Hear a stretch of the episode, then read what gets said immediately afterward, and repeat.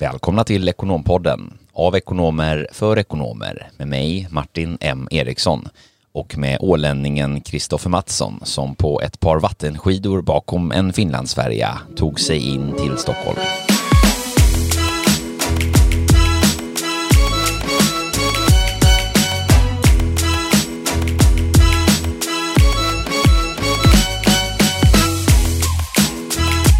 Det har blivit eh, eh, nu att jag alltid öppnar avsnitten sen efter ditt intro. Men kanske du skulle öppna nästa avsnitt?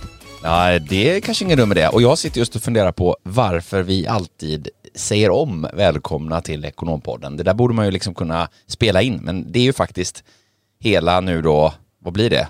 40 plus här antal avsnitt vi har släppt. Eh, där vi ju kör det här varje gång, så att uppenbarligen så har man ju tränat in det rätt bra. Ja, du kan ju mantrat som rinnande vatten och eh, man kanske kommer in lite i stämning också när man får dra eh, hela frasen varje, varje gång vi kliver in i studion. Ja, men lite så skulle jag ändå säga. Och, eh, och eh, ditt mantra, det är väl eh, hur man checkar in på en flygplats? För du har ju nyligen kommit hem från en ny resa. Ja, det, det här börjar bli för mycket nu. Jag har flängt alldeles för mycket och folk måste beundra att vad, gör du någonting annat än att reser och flyger och flänger? Eh, men det stämmer, jag var på bröllop i helgen i, ehm, på Solkusten. Fantastiskt fint bröllop och eh, efter tredje gången här nu, tredje försöket, så klarade man av alla hindersprövningar och världskrig och coronor och nu är de gifta och är numera herre och fru de mina goda vänner från Örebro. Så att eh, jätteroligt att, att vi äntligen eh, kunde komma i mål med, med bröllopet där. Ja, det har ju nog varit lite sådär som du beskriver. För många har det nog eh, dröjt lite extra tid eh, i, och med, i och med omständigheterna. Men det har varit lite en bröllopsmaraton här nu eh, sen, sen det återgick. Ja, så, så är det. Och jag menar å andra sidan, det finns de som säkert hade tänkt gifta sig kanske redan 2020 och så kanske inte längre håller ihop. Så att då kan du ju ha som stötts på eh, prövningar och hinder här på vägen. Så att på det viset så är det ju bra att nu vet man ju verkligen om man har klarat sig igenom de här mm tuffa tiderna. Eh, då håller man ihop i vått och torrt. Ja, verkligen. Du, när ska du gifta dig då? Ja, det, det, den där kom oförberett. Nej, men eh, ja, du, jag, jag, jag, tror att jag får, tänkte jag säga, hitta någon som eh, ja, klarar av att leva med mig först och därefter får vi väl övergå till eh, ja, eventuella diskussioner om giftermål då. Så att... Eh, det är de som hittar dig? Ja, så är det. Eh, på tal om att hitta saker så hittade jag en annan spännande grej. Minns du för länge, länge sedan så var jag ju på Mm, då gjorde jag en undersökning med vilka, eller jag gjorde inte undersökningen, men jag hade tittat på Nyhetsmorgon när de undersökte vilket eh, toalettmedel som var det bästa. Ja, ska du återgå till den här historien nu? Ja, nej, eh, det var ju för övrigt då för de som inte har lyssnat på, på, på den eller sett, såg den studion, så det var ju så här Änglamark från Coop som, som var det bästa eh, toa, eh, Göringsmedlet heter det. Eh, och inte de här andra WC-Dac och allt vad man kanske kunde tro. Eh, och motsvarande insikt har man nu då kommit till, eh, jag har inte exakt koll på källorna här, men, men när det gäller tandkräm så finns det ju alla möjliga liksom sensodyn och, och eh, ultravitt hit och, och, och, dit, att du ska få jättefina och raka tänder. Men då visade det sig då, jag tror det var någon av de här liksom riktigt klassiska eh, tandkrämstuberna, om det var Colgate White Classic eller något sånt där som, som var liksom den som många tandläkare, eller många ändå sen nu har kommit fram till att ja, men det är den som är faktiskt bäst. Mm. Så har vi nya studier då. Men man kan också mejla då, kristoffer.mattsson.talentsofsweden.se om man behöver råd och stöd i, i de här frågorna. Sannerligen, sannerligen. Ja. Um, ja, jag har varit och rest och uh, landat. Uh, vad har du gjort här sen sist? Ja men det, det är ju intensivt här nu för oss under september. Det är ju som du beskriver, det är lite far och fläng åt olika håll och kanter. Jag har ju också varit ute och rest. Jag har varit i Warszawa en sväng eh, och hälsat på min kusin där nere. Eh, väldigt, väldigt trevligt. Vi har inte setts på ett tag här efter covid, men det var extremt eh, kul. Och eh, sen håller vi på att förbereda vår kontorsflytt. Vi flyttar ju från med första oktober officiellt till nya lokaler på Sturegatan. Ja, lämnar ju coworking efter ett och ett halvt år drygt. Exakt. Det, det, det känns lite tudelat. Det har varit, fungerat jätte, jätte, jättebra och ja, men det har varit väldigt, väldigt trevligt. Men ja. egna lokaler igen, det ska bli supertrevligt också. Stämmer. Och sen har vi ju konferens, vi åker ju här den här veckan, eh, vi spelar ju in här måndag, eh, vi släpper ju det här tisdag och på onsdag åker vi till Barcelona för eh, konferens. Så att, eh, där har vi lite prepp inför det med. Och jag har under helgen varit på, eh, faktiskt på hemmaplan, jättehärligt. En helg här hemma och, och eh, upplevt återigen det roligaste med när saker och ting blir spontant. Eh, vi hade ju eh, en, eh, en, ett födelsedagsfirande egentligen på, på lördagen och det här blev ju då blev en lunch utan slut och med helkväll och allting. Så att det var, det var riktigt, riktigt skoj. Varför är det sådär att de här kvällarna man har minst förväntan på alltid blir de bästa? Ja, jag har faktiskt inget bra svar på det, men jag kan ju instämma om att det ofta är så. Eh, inga förväntningar eller låga förväntningar och så blir det ofta väldigt, väldigt roligt. Ja. Eh, men jag vet någonting annat som du har gjort. Eh, kanske inte riktigt sen sist, men, men någonting som jag ändå kan berömma dig för, även om det skedde något senare än vad som först utlovades. Jag tror att det var äh, i juni så pratade vi om den perfekta LinkedIn-profilen här i podden. Mm. Jag tror det är nummer avsnitt 40 eller någonting, vilket jag för övrigt rekommenderar er alla att, äh, att titta på. Man brukar ju säga att då finns man inte på LinkedIn, då, då finns man inte. Och du har ju haft en profil där, men den har ju varit eh, alldeles för ouppdaterad och nu har du fått fingret ur här och, och faktiskt fått till det ganska bra, måste jag säga. Ja men tack för det.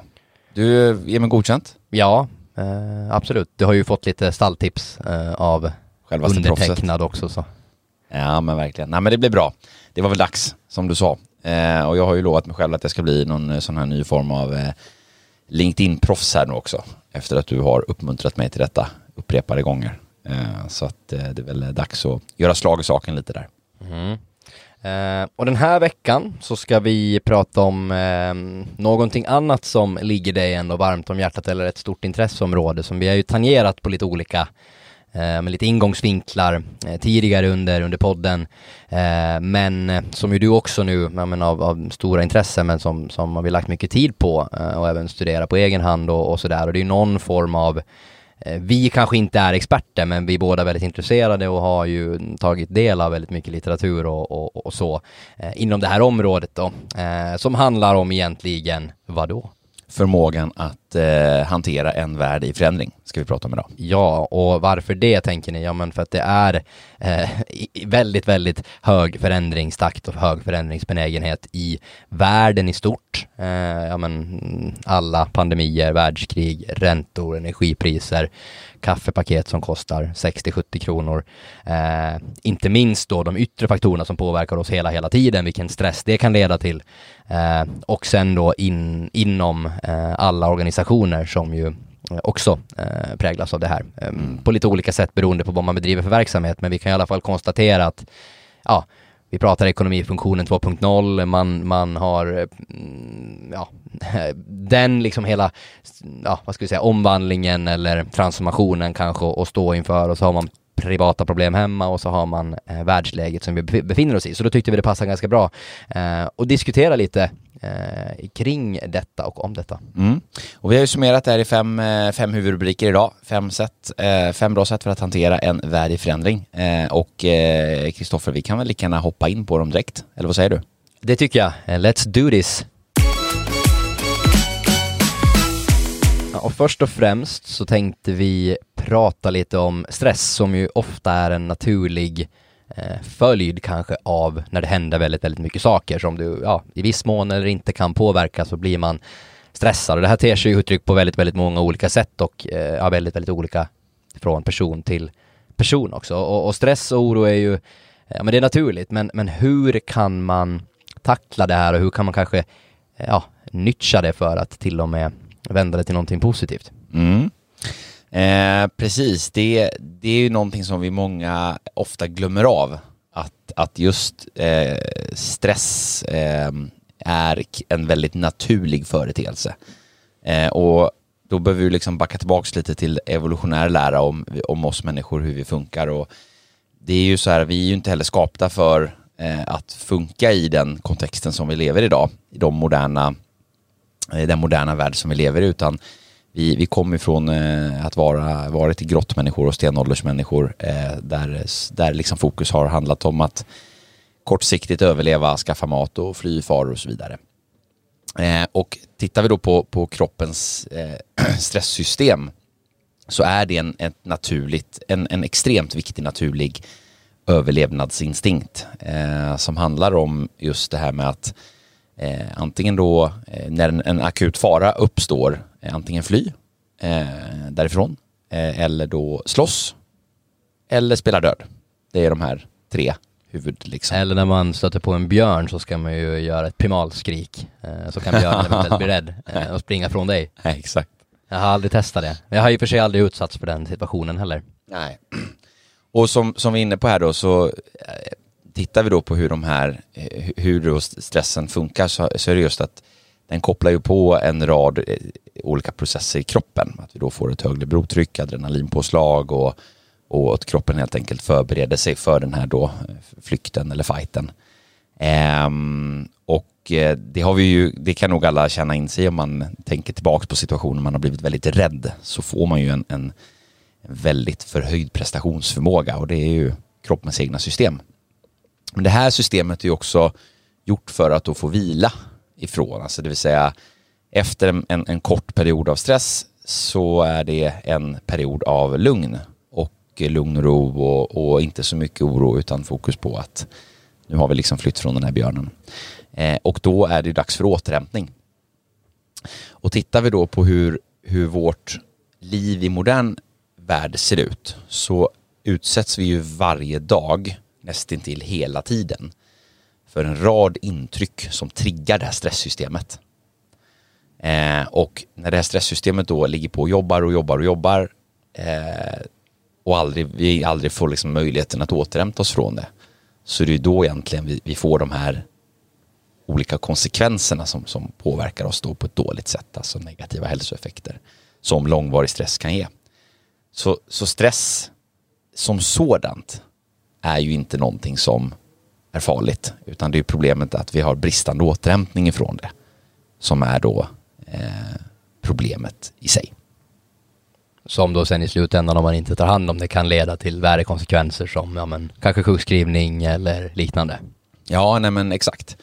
Eh, och minskad då prestationsförmåga och minskad förmåga att ja, tänka klart och, och, annat. Alltså allt det där som utbrändhet och, och allt det som vi ser som moderna livsstilssjukdomar, eller man ska kalla det idag. Ehm, men, men det där är ju just en sån här vanlig, ehm, vanlig eh, återkommande sak då, att man, man pratar om att det inte är bra, men, men att det är, det är fortfarande naturligt och ett, ett naturligt system som, som kroppen har, men det är just bristen av återhämtning då. Ehm, och eh, där är ju, är ju då viktigt att försöka i då en en omständighet där det händer väldigt mycket, där det här systemet kanske då triggas extra ofta. Eh, som du beskriver, alltså det är en, en hög förändringstakt, det är mycket oro, mycket osäkerhet som präglar då en oro utlöser en stress. Då blir det än viktigare att, att fundera på hur, hur ska jag göra för att återhämta mig från det här och, eh, och lägga in det som krävs eh, för att få den här, eh, den här tiden av. Då. Och jag lyssnade på eh, en eh, psykolog Eh, i TV4 Nyhetsmorgon för ett bra tag sedan, ett par år sedan här. Jag tyckte att det är nog det bästa stalltipset jag har fått. Eh, jag har läst många tips genom åren på hur man återhämtar sig. Men eh, han pratade om att återhämtning egentligen då är motsatsen till det som har utlöst till exempel då, ja men inte bara stress utan då allmänt om man utsätts för mycket påverkan och att man, man jobbar hårt eller intensivt. Så pratar man att återhämtning är motsatsen. Så det behöver inte bara vara att då eh, göra ingenting eller liknande utan det är just att, att aktivera sig på ett motsats, motsatt sätt. Så för att ta ett exempel då, om du har suttit en hel arbetsdag men du har suttit still på, framför din dator i massa teamsmöten och haft massa sociala kontakter så kan ju då en optimal återhämtning vara att röra på sig och få egen tid på samma gång. Eh, och samma sak då åt andra hållet. Ja, men om du har tagit ut din kropp med att du har rört på dig väldigt, väldigt mycket och kanske inte haft så mycket sociala kontakter utan du har ett extremt fysiskt eh, tungt krävande arbete där du är mycket själv. Ja, men då kan ju återhämtning vara och, och, vet jag, ligga i soffan och, och eh, snacka skit med någon eh, till exempel. Mm, spännande. Så just att fundera på vad, vad har jag varit med om och hur har jag blivit uttröttad och hur kan du återhämta mig? Ja, och, och bena ut vad det är som gör att jag känner mig stressad eh, just nu. Och det leder oss ju lite in på nummer två, som då handlar om att fokusera på rätt saker. Och det är ju precis som du är inne på, det händer extremt mycket i världen och om man stressar upp sig över saker och, och liksom, kanske framförallt sånt som man inte kan påverka eh, så blir man ju extremt mycket mer stressad än vad man kanske skulle behöva bli. Eh, så det tänkte vi också prata lite om. Mm, exakt. Som punkt nummer två här på listan, att just fokusera på rätt saker. Om, man, om du tänker dig en klassisk fyrfältare då med två axlar, på den ena axeln har vi... Jag gillar fyrfältarna. Ja, ja jo, men de är, de är väldigt visuellt bra att köra i talformat också. Eh, på den ena axeln har vi det som är, är viktigt och betydelsefullt eh, och det som spelar roll så att säga då. Och på den andra axeln har vi då det som vi också kan påverka eller kontrollera. Så det är när vi, när vi uppfyller båda de här kriterierna som, som vi hittar liksom där vi bör sätta vårt, vårt fokus och där vi bör lägga vår tankekraft och energi. Ehm, och, och, det finns ju en rad exempel på saker som vi människor har en förmåga att gå runt och oroa oss för och älta, eller vad det nu är vi, vi gör med det. Men sånt som vi till exempel inte kan kontrollera, men eh, saker som tidigare skett i historien eller framtiden till viss del eller andra människors beteende och så vidare. Men vi har ju däremot en, en, en förmåga att kunna påverka eh, exempelvis då vårt eget agerande, eh, sånt som man kan ha en inverkan på, både saker och relationer. Eh, vi kan påverka fullt ut vad vi exponerar oss på för typ av input, vilka nyheter vi läser, vilka notiser vi har i telefonen och vilka vi umgås med. Eh, och samma sak gällande det som är relevant och viktigt, vad betydelse? Hur, hur viktigt är det eh, att just eh, den här lilla detaljen här borta blir på precis det sättet som du önskar? Är det det viktigaste just nu eller finns det något annat som är av, av mer, mer betydelsefull vikt att du fokuserar på? Så just att, att fokusera på rätt saker då, att både det som är viktigt men också framförallt det som vi kan eh, som vi kan kontrollera och kan påverka. Går det att ge något konkret eh, liksom, exempel i arbetslivet här då för den, jag ska inte säga den typiska ekonomen, men Ja, nej men verkligen så. Eh, både alltså saker som har hänt och har inträffat. Det är ju väldigt vanligt att man kan se liksom höra generellt sett men ett ältande över eh, tidigare misstag eller eh, beslut man har tagit eller liknande. Men då är det ju det vi kan kontrollera och det är ju fram, det är liksom vårt agerande framåt. Men då är det bara att ta nytta och lärdom av det vi har upplevt och de insikterna vi har fått för att kunna kanske ta en mer då bättre och eh, tryggare beslut framåt baserat på den kunskapen. Eh, istället för att liksom på något sätt älta, älta det förgångna. Då. Eh, och också när vi diskuterar med det här med vad vi kan påverka, men eh, vad, vad, är, vad är din påverkan i det? Men ibland, jag brukar också prata om det, att du kan ibland eh, Eh, du kan påverka din ansats i saker men inte alltid resultatet kortsiktigt. Att du, du kan göra ett försök att påverka en annan person eller göra ditt bästa eh, i en ansträngning. Eh, Medan andra saker är, är mer svåra att påverka. Ja, det tycker jag är en eh, fantastiskt bra insikt. Eh, och det har vi också tangerat lite här tidigare, eh, just att, ja, som du är inne på, man, man kan ehm, man kan bara styra över liksom din input i olika saker. Du kan inte alltid påverka hur en annan person kommer att agera eller, eller reagera. Uh, så att det kan man väl ta med sig. Mm, nej men exakt. Och vi ska komma in lite på det senare här också med, med inputs, men det är också en sån här sak, men vad är det vi exponerar oss eh, i för typ av, av information och informationsflöden? Eh, vilka människor omger vi oss av? Eh, man brukar säga det att eh, Eh, lite smått skämtsamt, men det ligger någonting i det också, att ja, men, du är ett snitt av de tio människorna du umgås mest med. Eller att eh, de tio människorna som du umgås mest med liksom representerar någon form av, ja, drar man ett snitt på dem så har man dig. Ehm, och det är ju lite för att vi dras till likasinnade men också att vi präglas och påverkas mer av, av omgivningen än vad vi tror. Men eh, det är ju samtidigt så, det finns ju en del, eh, vi är inne på det här med man liksom inte kan påverka kanske utfallet alla gånger men, men bara din, in, din egen input och så. Men alla dessa omvärldsfaktorer som vi diskuterar, eh, jag menar allt från skenande matpriser till ja, nu förvärvar vi ett bolag här och, och, hur det kommer påverka det. Det kan ju leda till den här stressen och, och det kommer ju minst sagt göra att din eh, omgivning förändras. Hur, hur kan man ja, agera? Hur, vad, vad, kan man tänka på? Mm. Och det här är ju också ett faktum att förstå när man, när man knäcker den här koden så knäcker man väldigt många koder i livet. Och det är ju det insikten om att allt är temporärt. Därför att hela världen är konstant under en förändring. Ingenting är bestående. Vi föds, vi lever, vi dör. Eh, och det gäller, det gäller allt. Eh, vi kan inte checka ut en dag och checka in nästa dag och, och tro att allt är på samma sätt, utan det har hänt saker under natten som har påverkat. Eh, och då är det ju så här att i de, liksom, de här liksom tuffa tiderna så, jag brukar ju likna, eh, likna det här med att bestiga ett, alltså man ska prata en, en, en period av förändring eller en, ett liv i stort eller en karriär eller vad man nu än ska liksom diskutera. Ett projekt i, ett, i bolaget eller vad det än är. Så brukar jag likna det vid att bestiga berg, jag tror vi har varit inne på det tidigare någon gång. Men att om man liksom zoomar ut bergsbestigningen i väldigt, väldigt, väldigt utzoomat perspektiv så börjar man någonstans eh, nere, längst ner på marken och sen så klättrar man upp mot bergets topp. Eh, zoomar man in på den här resan, den här bergsbestigningen, så kommer man ju mötas av ett antal utmaningar. Eh, liksom, det kommer att vara passager som är utmanande att ta sig över. Eh, det kommer att vara eh, väldigt, väldigt svåra eh, stunder under den här resan som man liksom behöver ta sig över och ta sig förbi. Men de är ju också, de är ju också under, under då, eh, alltså de är också temporära. Så, så, på samma sätt som att omständigheterna kan skifta från perfekta till utmanande så är det också så att skiften sker även åt andra hållet. Eh, från väldigt utmanande till, till eh, att, att det helt enkelt saker löser sig.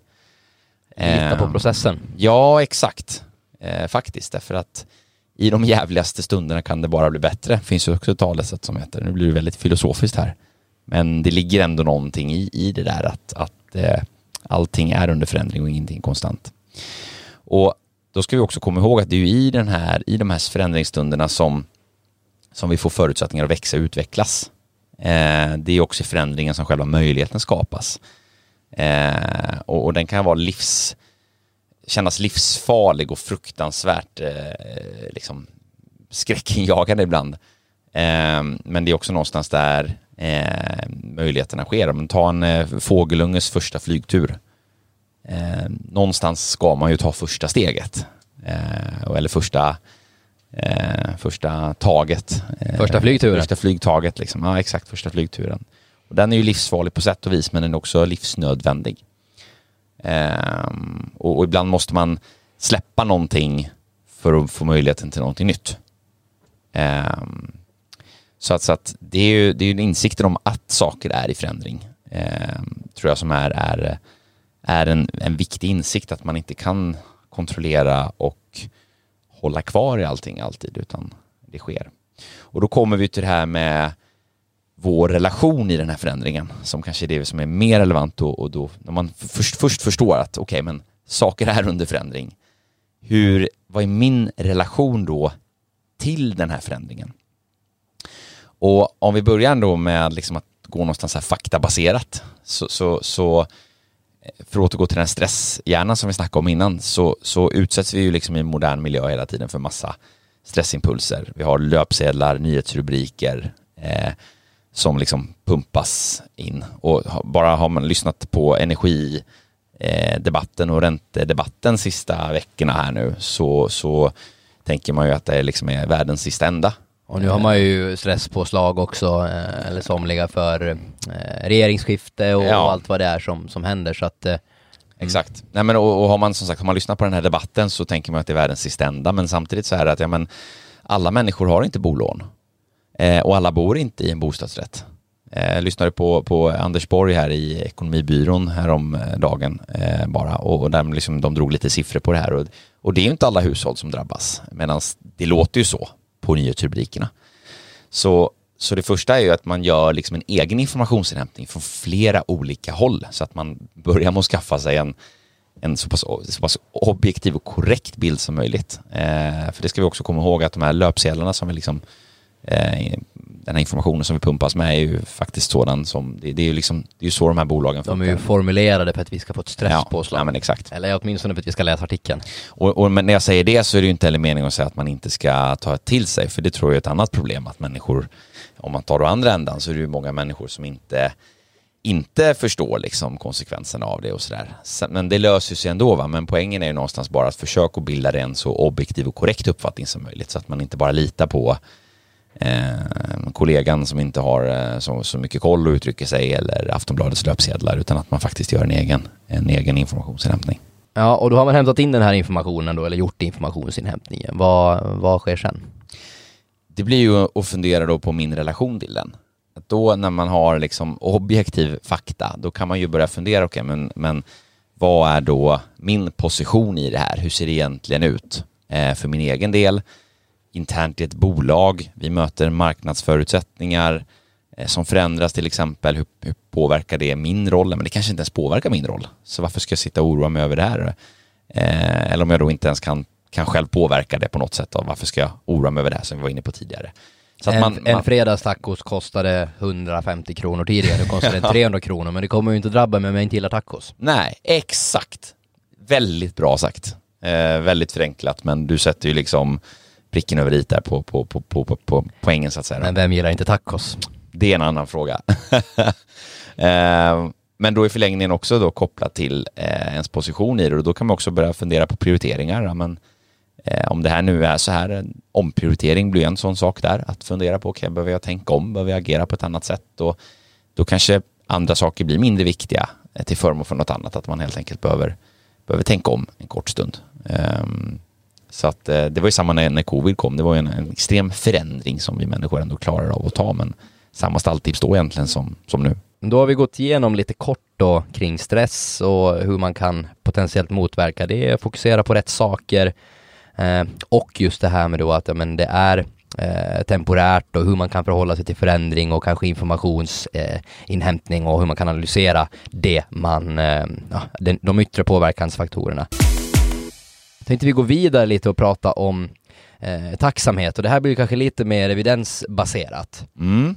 Den är jäkligt intressant faktiskt. Eh, det har väl du också upplevt? Ja, det var ju, var inne lite på det här i förra avsnittet och nämnde min nya tacksamhetsövning som jag gjorde varje morgon, eller gjorde den morgonen ska jag säga, när jag steg upp då, att säga, ja, men tänka på, på mm. tre saker som man faktiskt är tacksam över och vad det gör med kroppen. Eh, alltså det, man det kan låta lite hokus pokus och, och liksom, ja men nu ska jag tänka på saker som jag är tacksam över, vad, vad kan det eh, hjälpa till med. Men det gör ju faktiskt det. Du, du, du utstrålar energi till andra och du får, ett helt, du får en helt annan liksom, energi påslag genom hela kroppen och det här och, finns det ju forskning bakom. Ja, exakt. Extremt spännande sådan eh, som jag också har fastnat i och faktiskt varit förvånad över för att det här med tacksamhet är en sån här sak som jag själv har tänkt att gud vad flummigt och flamsigt. Det är ju någonting så här hokus pokus människor eh, och eh, har ju hört det från olika håll men aldrig liksom riktigt fattat poängen med det eller vad, vad, vad egentligen substansen är i det här. Då.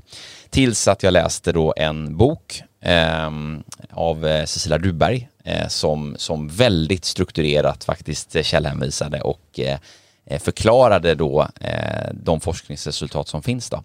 Och eh, väldigt kort kan man säga att eh, förmågan för oss människor att känna och visa tacksamhet har då bevisat egentligen väldigt goda effekter på, på liksom vår hälsa och upplevd livskvalitet, känsla av lycka och så vidare. Och det, att, att den här känslan då på ett ögonblick egentligen gör väldigt mycket med med eh, hormonsystemet i kroppen och så vidare.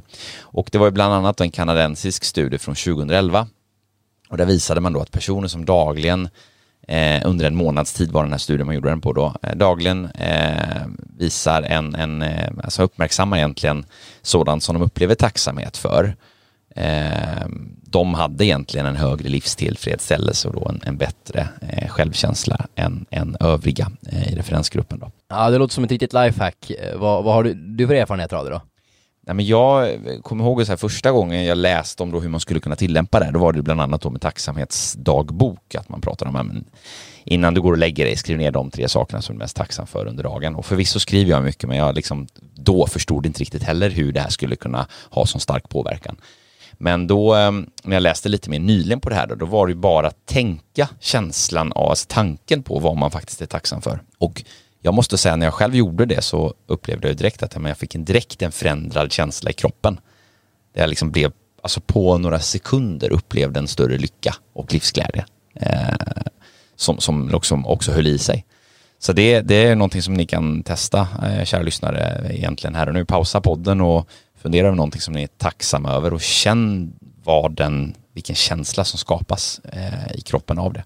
Ja men exakt, man brukar ju, man har hört också att man kan ungefär få motsvarande känsla när man tittar ut bara på, på havet liksom och den lugnande känslan och det behöver ju kanske inte heller vara att det här lyckoruset håller i sig i flera timmar men det kan ju vara en bra eh, grej att göra när man kanske känner då den här stressen eller känner den här ångesten över någonting som faller på mm. och bara så här men ta liksom känslorna och tankarna som kommer för vad de är och sen bara stanna upp och så tänker man på någonting man är tacksam över så kan man liksom släppa det Ja men exakt. På ett enklare sätt. Och, och för, för att återanknyta till första punkten vi pratade om, det med stress då. När vi lever i den här världen hela tiden av, av stress, men det är ju ett extremt bra sätt då att, att balansera, det vill säga att återhämta sig. Alltså en kort en mikroåterhämtningspaus under dagen. Okay, men nu fokuserar jag så mycket på alla risker och problem som jag måste liksom hantera här. Okay, men, men om jag stannar upp en kort stund, vad är jag faktiskt glad och tacksam för då?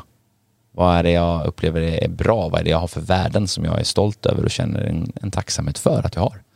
Och, och, och, sätta lite fokus på dem.